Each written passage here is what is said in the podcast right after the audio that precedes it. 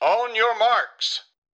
Get set! Välkommen till Maratonlabbet Vägen mot Sub 3. I den här podcasten följer ni Erik Olofsson och mig, Johan Forsstedt, på vår väg mot Sub 3, alltså att springa maraton under tre timmar. I det här sjunde avsnittet tipsar vi om videoklipp, böcker och filmer som inspirerar oss i vår löpträning.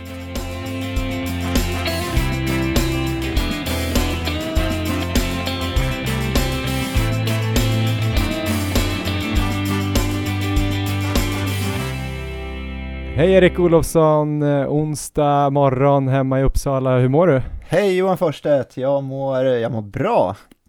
Jag mår mycket bättre än vad jag gjorde förra veckan när vi pratades vid. Ja men vad beror det på då? Du var ju en eh, ganska nedslagen eh, spillra till person förra veckan. Ja, det stämmer. Ehm, ja, jag var ju hos sjukgymnast dagen efter vi pratades senast och då hade jag ju vilat i, vad sa jag, sex dagar kanske? Ja, sex dagar sa du. Precis, så jag var där och fick min ljumske undersökt och det var ganska positiva besked där. Hon gjorde massa undersökningar och eh, jag fick reda på att jag är oerhört stel i höfterna, fast det visste jag ju mer eller mindre redan.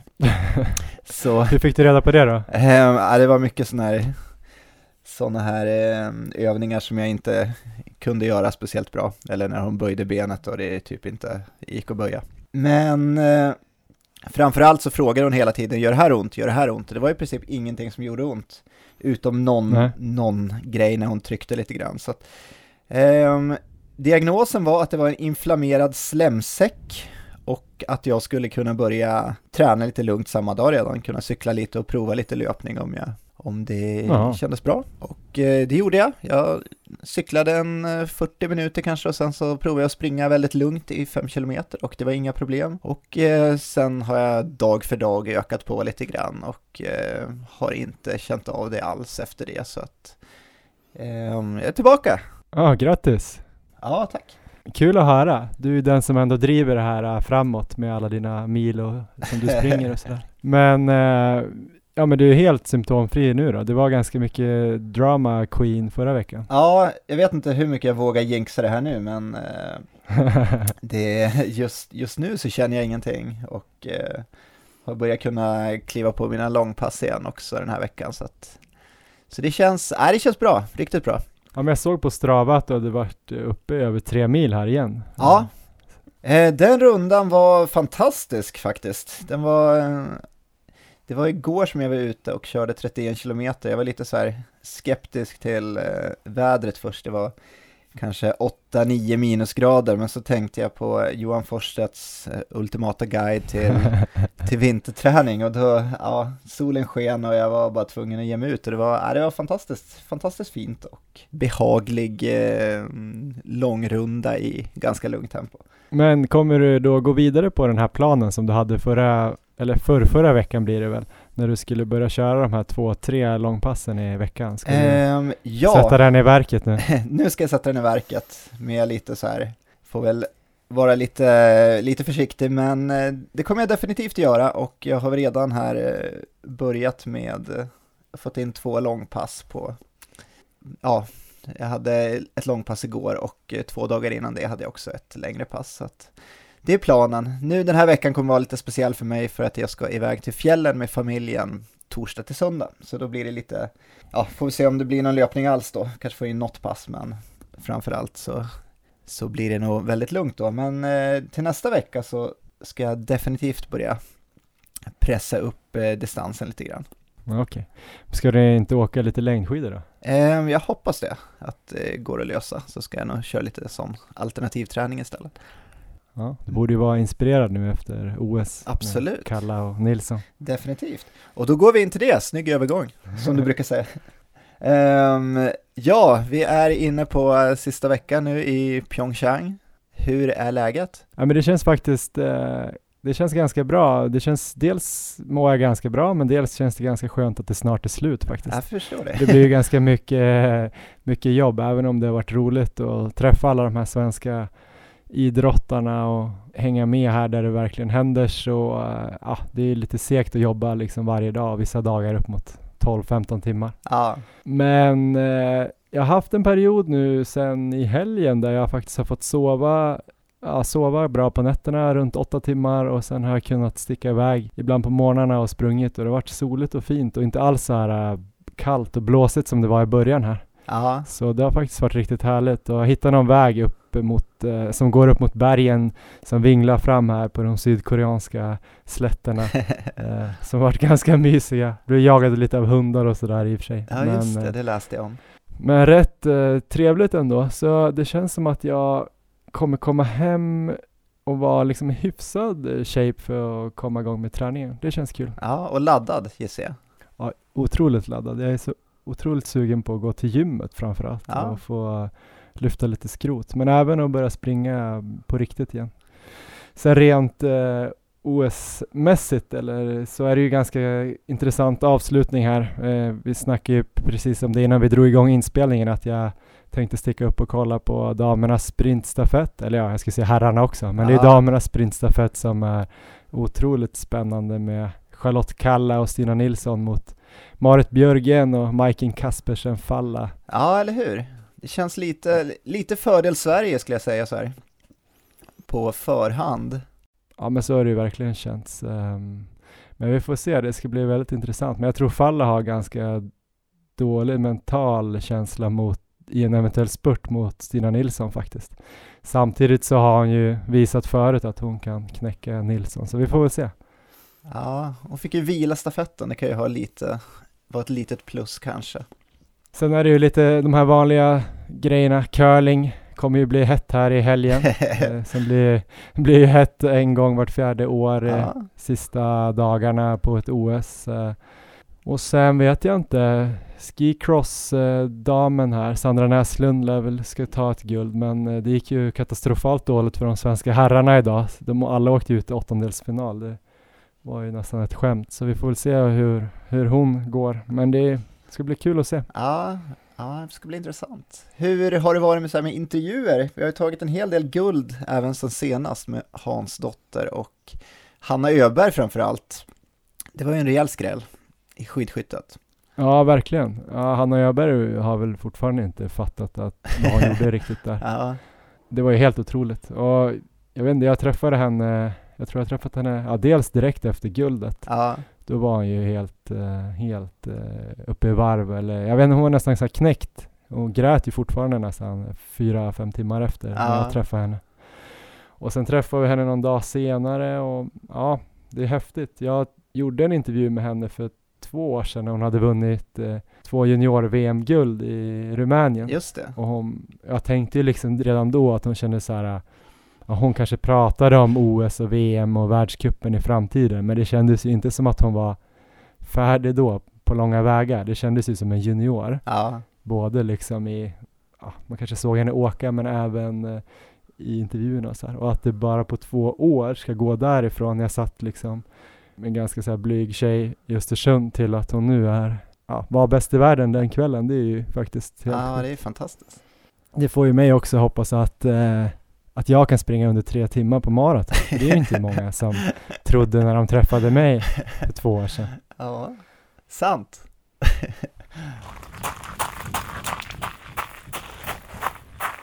Jag tänkte vi har ju hittat ett eh, ämne för dagen också Erik. Vi tänkte snacka lite inspiration och eh, saker som gör oss inspirerade och vi har väl tagit fram åtminstone två saker var här som vi tänkte skulle snacka om. Så Ja. eh, om du skulle få äran att börja då som åldermannen i laget. eh, Ja, Vad har du tagit fram? jag tar den.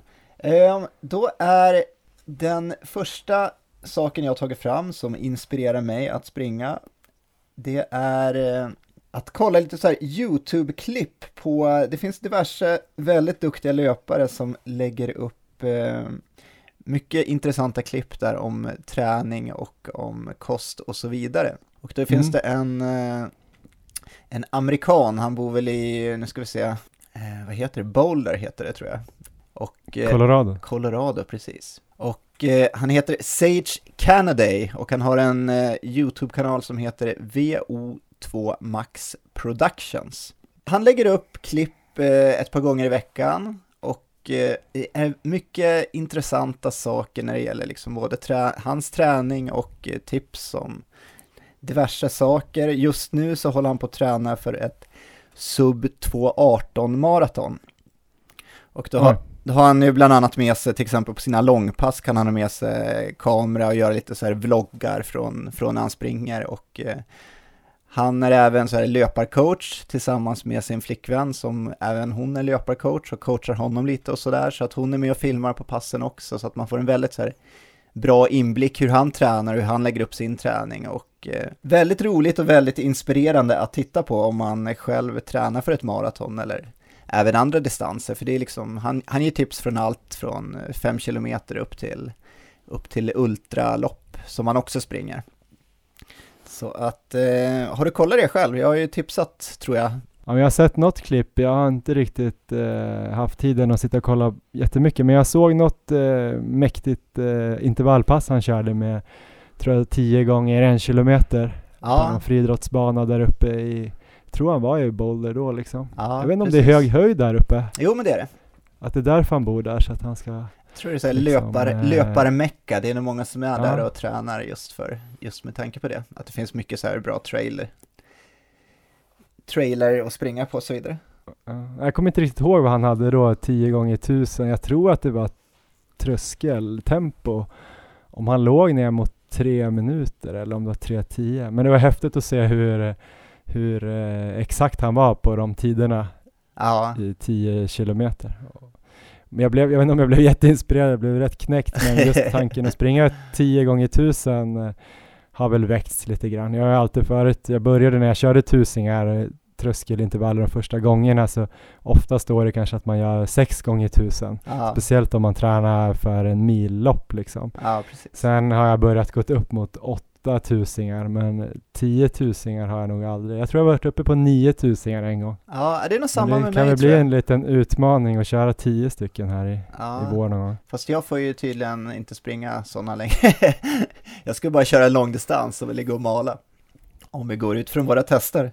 Nej, jag får ju heller inte köra tio tusingar i tröskeltempo. Jag får ju kanske max köra då fyra, fem stycken, men då i maxtempo typ. Just det. Eller då kanske 40 stycken eh, utan vila. Ja. Så 40 gånger 1000 i långsamt tempo. Men han har även mycket andra inspirerande pass när det gäller långpass och eh, mycket tips. Så att där, där, ja, det finns, finns mycket att lära sig. Han har sprungit hela livet och coachar många löpare och så vidare. Så att det är definitivt värt att kolla upp. Vad är ditt favoritavsnitt med honom då? Eller vad har du lärt dig liksom? Ja, det är, eh, ja det är väl massor, jag vet inte. Ett, ett av mina favoritpass är när han går igenom lite om, eh, om långpass helt enkelt, vilka typer av långpass han föredrar. Men eh, det är ju, han har ju haft den här kanalen uppe i flera år, så att det finns ju, det finns ju om liksom alla ämnen, massor, massor av information och massor av klipp. Från allt från skador, kost och träning. Då så, ska du, få, ska du få lägga in ditt första tips här, inspirationstips. Ja, jag tar över stafettpinnen och det här kanske inte är ett eh, superoriginellt tips egentligen. Många har nog läst den här boken som jag ska prata lite om och det är den här som heter Born to Run och ah. det är ah. inte Bruce Springsteens eh, biografier utan det är en bok av Christopher McDougall ja. som kom, eh, ja nu kanske nästan är tio år sedan, i alla fall åtta, nio år sedan. Och den handlar väl om lite olika saker men eh, framförallt så handlar den om eh, just det här att han försöker väl då bevisa att människan faktiskt är skapt för löpning. Eh, dels kroppsligt med hur vi, hur vi ser ut och hur vi andas. hur vi kan springa väldigt långa sträckor utan att, att ta slut helt enkelt. För djur till exempel kan ju ofta springa väldigt mycket fortare än oss men ja. de kan ju inte springa så, så himla, himla länge. Och sen så följer han ju också lite en uh, indianstam eller vad man ska säga, eller okay. ett, ett, ett, folk i Mexiko som heter Tarahumara Aha. som bor i några sådana här typ canyons. Eh, jag vet inte exakt hur det ser ut, men jag tänker mig att de bor liksom långt nere i några så djupa dalar där de har levt eh, ganska åtskilda i flera hundra år. Aha. De gömde sig väl där när spanjorerna kom och Aha. sen har de liksom bott där. Och vart de än ska enligt då Christopher McDougall så springer de liksom runt där ja. och de har bara sandaler på fötterna. Det är en ganska stor grej i den här boken också, att de har så så spartanska skodon så att säga. Ja, För det är liksom hans kanske, om det här poängen att vi är skapta för löpning och att i evolutionen så har vi använt oss av löpning för att till exempel alltså jaga ihjäl djur. ja, Alltså vi har sprungit ihjäl djur, säger han. Och det är därför vi har överlevt istället för till exempel neandertalarna som egentligen var starkare och snabbare än oss, men vi var uthålligare än dem. ja, Sen så är då en stor del av just att visa på det här folket också, Tarahumara, hur duktiga de är på att springa, speciellt ultralopp, trots att de aldrig liksom har tränat ordentligt för de här ultraloppen. Det finns atleter då som springer i de här ultraloppen med bra resultat från, från de här stammarna i Mexiko. Ja, precis. Jag kommer inte ihåg exakt, det var ett tag sedan jag läste boken, men det var ju någon som kom dit och upptäckte de här och hur duktiga de var på att löpa och tog, tog med sig de här på några, jag tror främst amerikanska sådana här 100 miles lopp och sådär.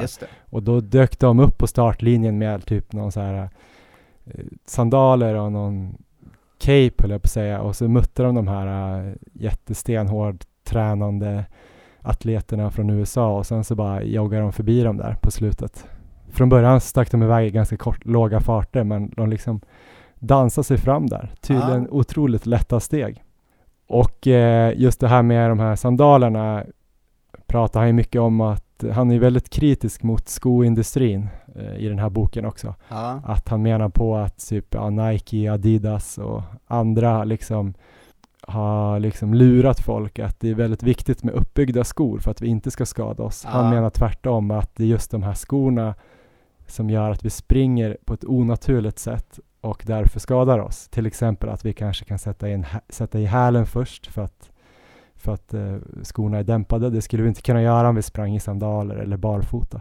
Det här har ju också inspirerat väldigt, väldigt många tänker jag 30 till 35-åriga män att sticka ut och springa i sådana här barfotaskor ja, med väldigt stora problem eh, som följd med att folk fick väldigt ont i vaderna och hälsenorna för att ja, de här Tarahumara de väger säkert eh, de bästa väger säkert eh, 50-60 kilo och Ja. springer inte på asfalt liksom och sen Men han förordar barfotalöpning då?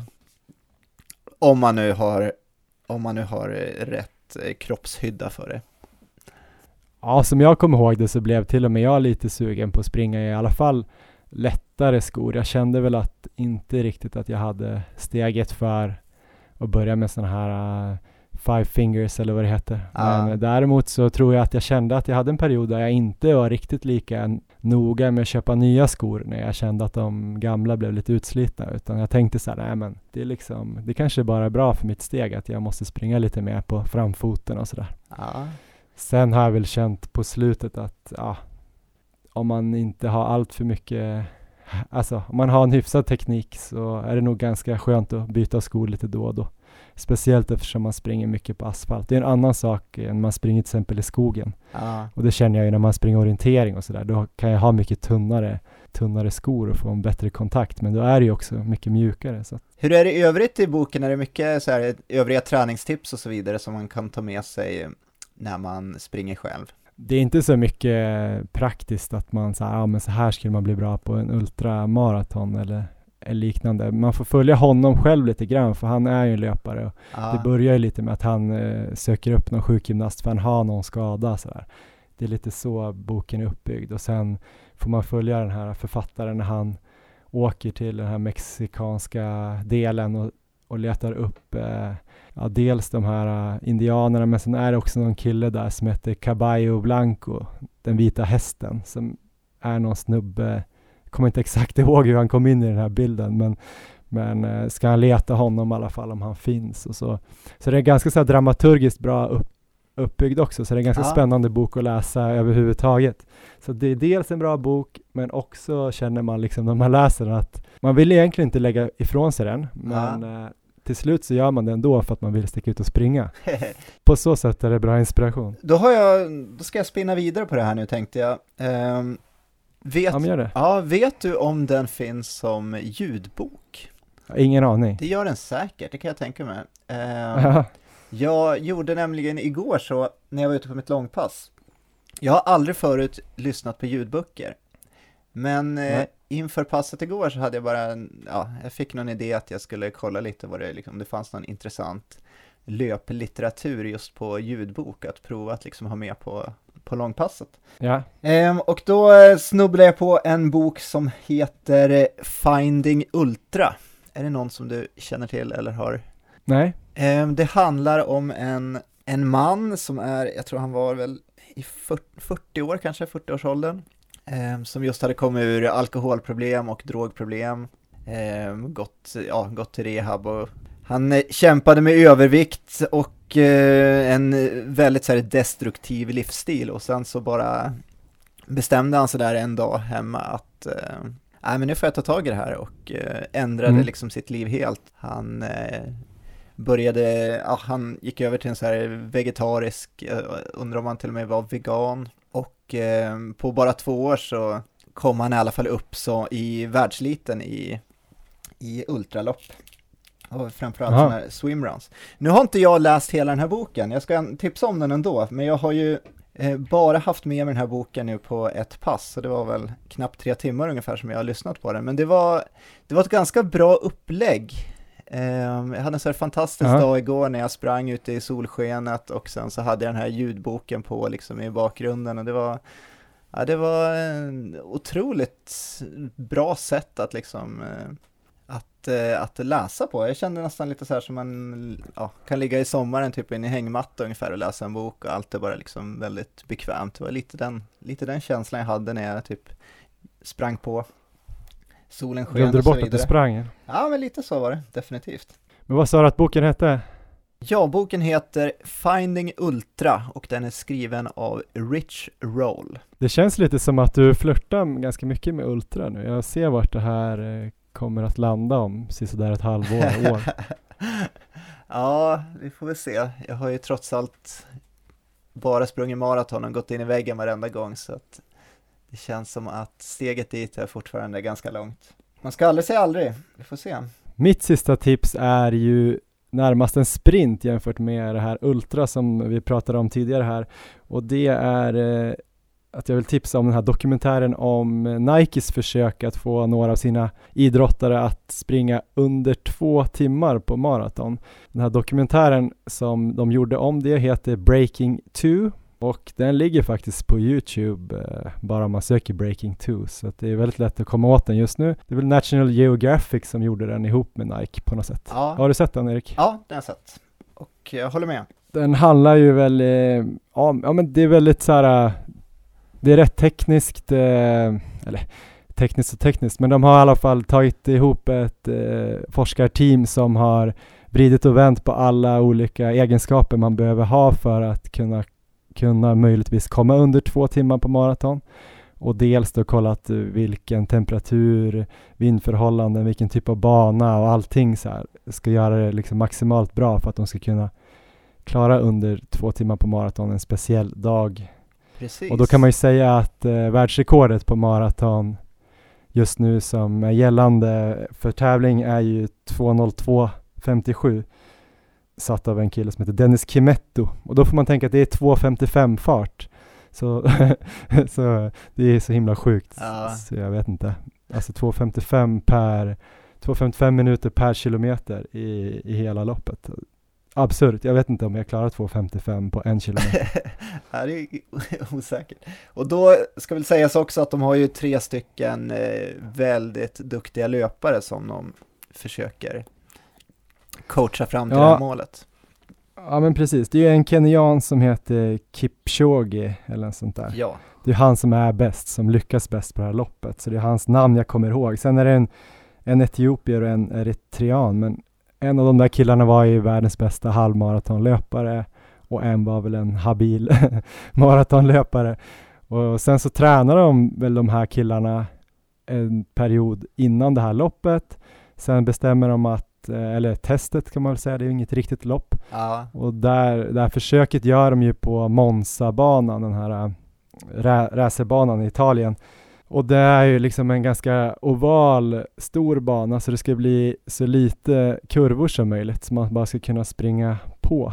Och så får man väl se och följa de här löparna lite inför de här testerna eller det här eh, stora rekordförsöket, se hur de tränar. Man får se de här olika tränarna och forskarna, hur de lägger upp det här och sen eh, ja, slutar det med det här själva försöket. Och jag vet inte, jag tycker det är otroligt snyggt gjord framförallt. Jag som journalist gillar att titta på den. Eh, den är ju väldigt spännande om man inte vet hur det gick innan. Ja, jag ska nog inte avslöja för mycket om slutresultatet. Nej, jag kommer ihåg att jag berättade för Emma hur det gick innan hon skulle se den. Hon blev ju skitsur och den var ganska tråkig sen. Men jag trodde liksom att alla visste om det här för att det var en så stor grej när de väl gjorde det. Det var mycket snack om det innan. Ja. Att de skulle testa komma under två timmar. Det är ju en sån här superdrömgräns. Sen eh, sen när de gjorde det så tänkte jag liksom, ah, men nu vet ju alla det. Så ändå kul att se, se hur, det, hur det gick till. Men äh, ah, det sabbade lite. Så ni får kolla hur det gick där. Men det var sjukt imponerande och jag vet inte, jag tycker den var väl framförallt inspirerande.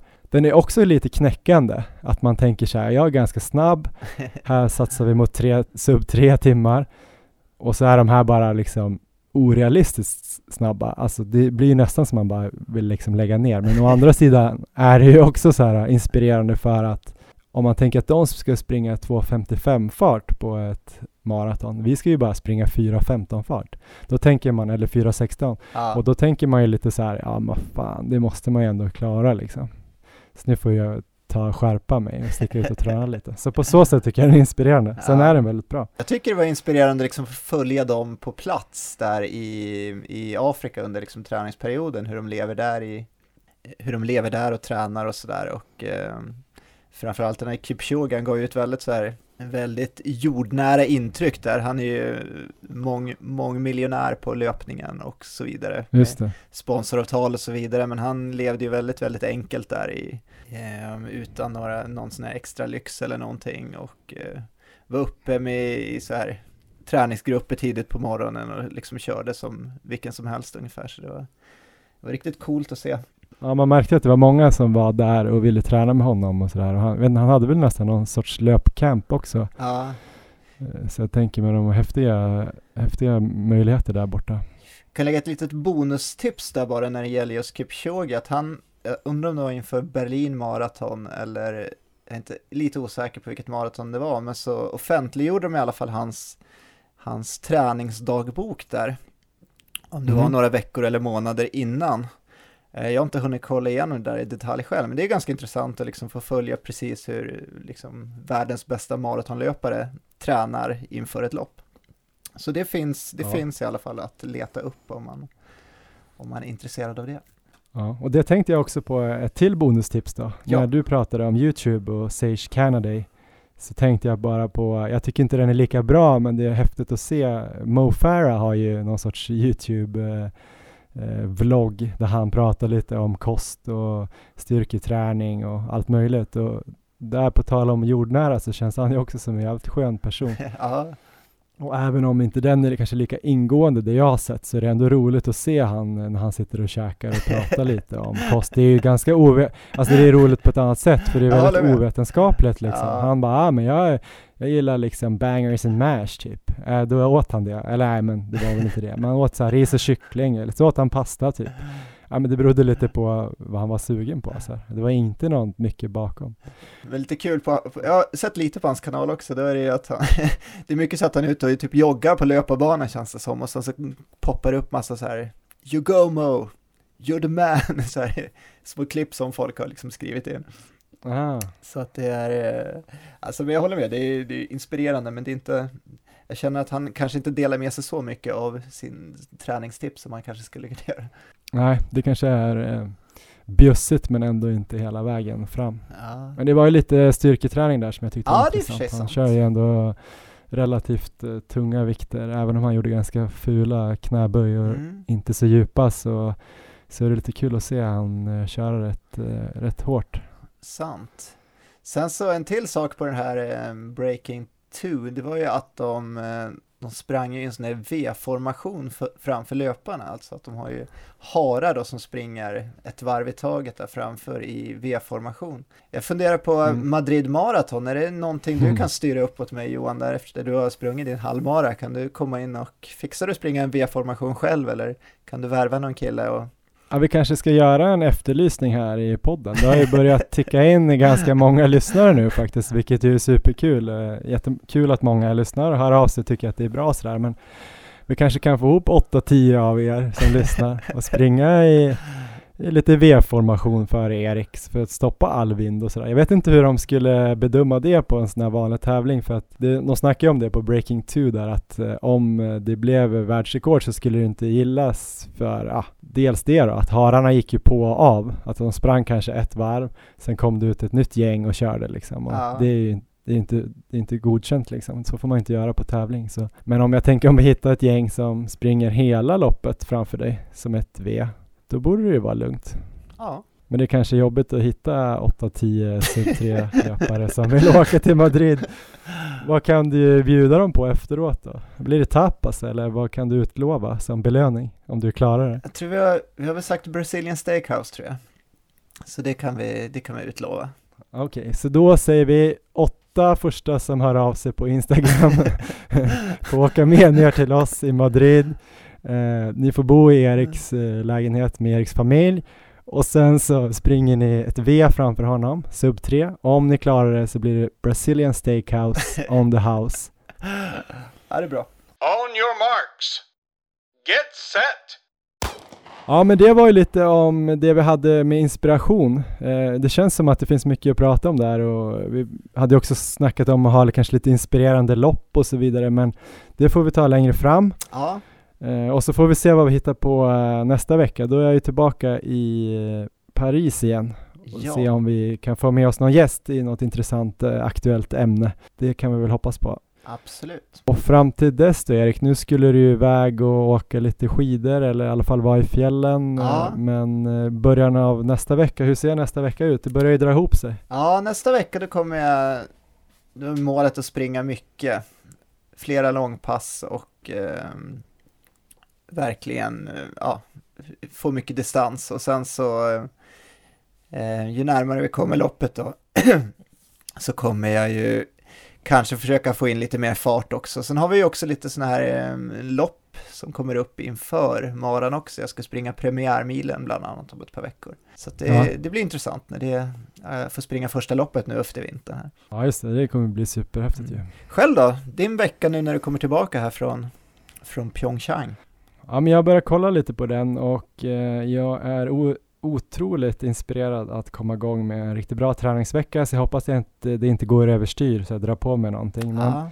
På måndag morgon kommer jag åka till Seoul och sen åker jag till Paris på tisdag. Så på måndag bor jag på ett hotell med uh, löpband. Så, så då tänkte jag faktiskt bränna av något uh, intervallpass med lite 5 km fart. Så kanske gå upp där lite mot de här VO2 max. Ja. Försöka skrämma upp pulsen över 175 i alla fall. Vi får väl se. Men uh, tänkte kanske 10 gånger 400 meter i 5 km fart. Ja. Så vad blir det då kanske? 3.30 fart någonting? 3.35? Ja. Och sen eh, vila ungefär lika långt som intervallen är tänker jag. Så kör vi 10 stycken. Kan ja. bli en sån här att man kör en att man först kör fem och så lite längre vila i mitten bara för att orka mentalt då. Absolut. Vi får se. Sen tisdag blir det nog ett styrkepass när jag kommer från flyget. Då har jag flugit 11-12 timmar så då kommer jag nog vara ganska trött, men då tänker jag att det är bra att dra på gymmet så att jag inte bara går och lägger mig och sover direkt så här vid tre, för det kommer helt fel dygnsrytm. Ja. Onsdag sticker ut och kör ett eh, ja, 10-15 kilometer tänkte jag. Kanske lite inslag av fartlek. Ja, med lugnare farter eller? Ja, men jag tänker att jag kör lite um, femtempo uh, zon 2 med att jag kanske har någon period i mitten där där jag kör lite 500 i ja, någon tröskelfart. Ja. Lite som jag gjorde i Zagreb där någon gång. Ja. Sen får vi väl se, det blir i alla fall ett långpass på helgen som jag tänker kommer bli 21-22 kilometer. Jag har kört som längst här borta 14 nu. Ja. Men jag tycker att det känns ganska pikt. Och så, men jag vill inte dra på direkt mot eh, 25-30 utan jag tänker någonstans 20-22 på helgen. Ja. Och sen slänger jag nog in ett, ett distanspass till, 10 kilometer på lördagen kanske och sen blir det nog ett styrkepass. Just så det. vad tror du om det? Två styrkepass, ett långpass, två distanspass och så de här 10 gånger 400 meterna. Det låter bra.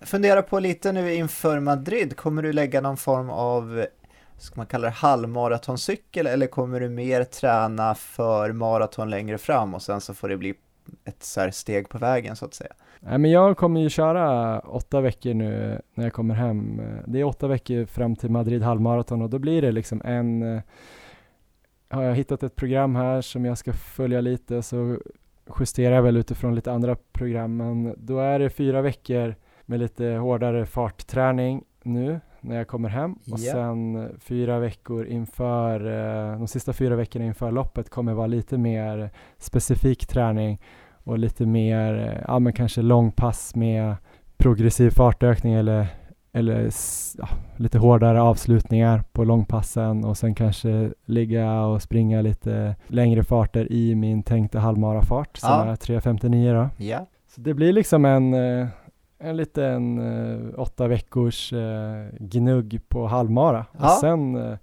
går jag väl vidare efter det när jag har vilat någon vecka efter och börjar trycka på lite mot eh, maraton. Så får vi se om det blir Stockholm eller inte eh, för mig. Men det blir nog inget sub 3 där, men det kan bli så att man har en liten träningsperiod bara för att komma upp i lite distans och springa igenom Mar- Stockholm som ett träningspass om jag nu får springa för fyran. ja just det, just klart. det.